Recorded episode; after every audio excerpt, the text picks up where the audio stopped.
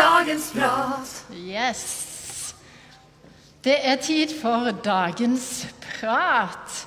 Og det er så fint å stå her og se på alle dere, fra de minste til de eldste. Og det er fantastisk at vi har denne muligheten til å samles sånn.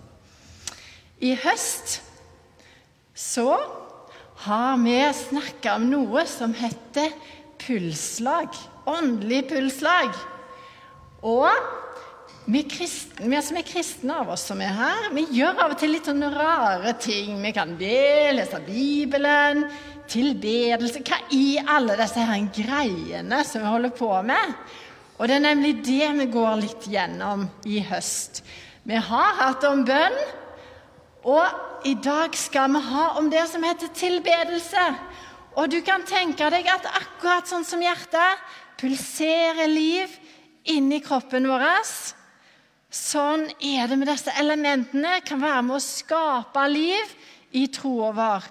For troa det kan fort bli bare kunnskap som sitter her, men vi vil at det skal være levende og få konsekvenser og leve i oss. Så i dag blir det tilbedelse. Og da tenker kanskje du at nei, nei, nei, jeg er ikke typen til å synge. Hadde du hørt stemmen min, Elisabeth, så hadde du skjønt det. Eller Nei, sånn følerier. Det kan de andre ta seg av. For andre igjen så er tilbedelse lovsang åh, det er de beste de vet, og kanskje noe av det viktigste knytta til troen sin. Og for ungdommene spesielt så viser det seg at lovsang er kanskje nummer én når det kommer til elementer av pulsslag. Eh, og òg er kanskje det som gir den teologiske, altså bibelkunnskap. Det er gjennom tekstene. Så for lov, eh, ungdom er lovsang gjerne spesielt viktig. Og jeg syns det er sykt deilig når liksom bare følelsene henger med. Og en kjenner sånn Guds nærvær. Eh, en bare får en sånn åndelig opplevelse. En kjenner på begeistring, takknemlighet for kjærligheten, for tilgivelsen. Og så er en bare liksom helt der overgitt. Og du har kanskje sett disse galningene som står med lukka øyne og hendene opp, og du tenker hva i alle dager transegreier er det de holder på med? Men har du vært på Champions League-finale, favorittlaget ditt skårer mål?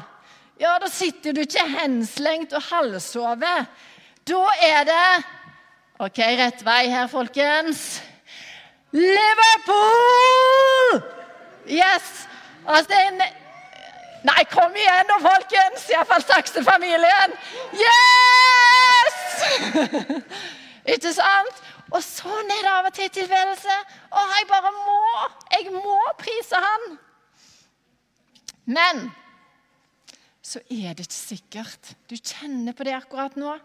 Og det kan hende du aldri har kjent på det. Og det da det godt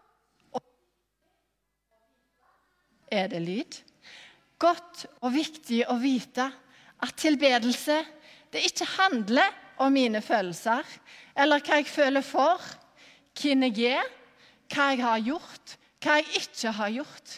Men det handler om Gud og Gud alene. For hva er tilbedelse? Jo, det kommer av det engelske ordet eh, 'worthship'. Det betyr direkte oversatt å gi worth, altså ære, til noe. Og da gir vi ære til Gud. Og på Bibelens grunnspråk så kan det bety å vise dyp respekt eller å underlegge seg. Og hva er dette vi skal vise ære eller underlegge oss? Og la meg ta dere med til Maria i Bibelen. Hun kom løpende inn i rommet og la seg ned foran Jesus sine føtter. Og uavhengig av om det var passende eller ikke, så gjorde hun det. Og der satt Jesus på gulvet sammen med vennene sine og spiste, for de hadde ikke bord og stoler på den tida. Og mennene rundt Jesus de hviska og tiska om denne dama som så uhørt kommer inn og legger seg ned foran ved siden av beina hans. Og hva gjør hun? Jo, med tårene sine så Så Jeg får en Ja. Håret sitt så tørker de, og så har du kjøpt den dyreste av den dyre salva til å smøre føttene hans med. Og hadde denne kvinnen gjort alt riktig før hun kom? Nei, så absolutt ikke. Følte hun seg verdifull nok til å legge seg der foran eh, ved siden av føttene? Nei, det tviler jeg på. For det var nettopp det hun hadde vært en av de verste av de verste. Hun hadde gått på de gedigne smeller og all grunn til å skamme seg. Og det var nettopp derfor vennene til Jesus hviska og tiska. Er ikke det Maria? Har du hva hun har gjort? Skitten, syndig dame. Så velger å komme inn her til oss på den måten. Men så er kanskje dette et av de sterkeste bildene på hva sann tilbedelse handler om. For det handler ikke om henne, om Maria, men det handler om han. Han som elsker Maria så høyt at han dør for henne og sto opp igjen. Han ga henne nåde, han ga henne tilgivelse for alt og ga henne kjærlighet. Og Derfor kunne hun ikke annet enn å bøye seg ned og tilbe i takknemlighet. For det handler ikke om henne, det handler om han. Og hva skjer når fokuset vårt går fra det vi ikke får til, det jeg ikke strekker til, det jeg kjenner på skam, til å løfte det opp og se på han? Og er det noen som har hørt om Paulus før? Han var jo en galning som det, vi kan si mye om. Men det jeg skal snakke om nå, er gangen han og kameraten Silas ble fengsla. Folket de sa 'ta av han klærne og pisk han', så han ble piska. Og fangevokteren han fikk beskjed 'sett Paulus, Silas, innerst i fangerommet', for han skal ses nøye etter, han må ikke rømme. Og fengselet der, det hadde ikke senger, puter, madrass, varmrom og forholdsvis mat som i norske fengsel. Jeg tipper det var muggent, det var kaldt, det var rått, lite mat, mørkt. Og de blei satt lenker på. Føttene deres ble bundet sammen. Der satt de lenka fast innerst i fengselet. Og hadde de noe å være takknemlige for? Kunne de takke Gud for situasjonen? Nei, så absolutt ikke. Det var jo han. Det var jo nettopp pga. Jesus de satt der. For de trodde på Jesus. De hadde fortalt andre om Jesus. Og nettopp pga. det så satt de nå innerst i fengselet, lenka fast. Men hva gjorde Paulus? Jo, i det kalde og mørke, så lovsang de Gud. De takka han, de priste han, de løfta hans navn opp.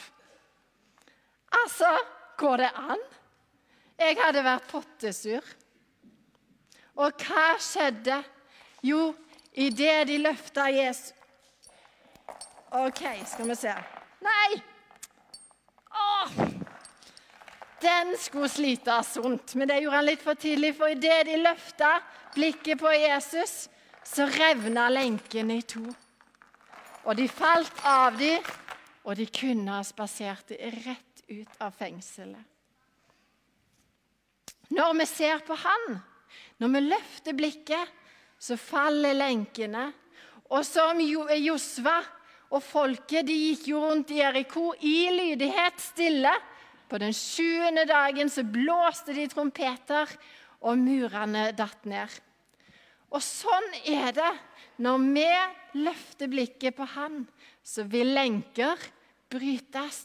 Murer faller ned i vårt eget liv, rundt oss og i den åndelige verden som vi ikke ser med øynene våre. Og vi kan få lov å være en spiss.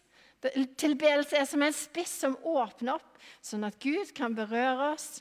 Og så kan vi dra Guds rike ned på jord. At det blir mer synlig. Så tilbedelse det handler ikke bare om sang, men det er et fantastisk verktøy. Men det handler om at alle ting i livet mitt kan være en tilbedelse til Gud. Det kan være tankene mine, ordene mine, valgene som jeg tar, handlingene mine, kan være som toner som til sammen lager en vakker melodi som går opp til Gud. Og det skal vi nettopp få lov å høre en solosang om. Eh, og samtidig få lov å danse, og det òg er en fantastisk tilbedelse å få lov å bruke kroppen i tilbedelse.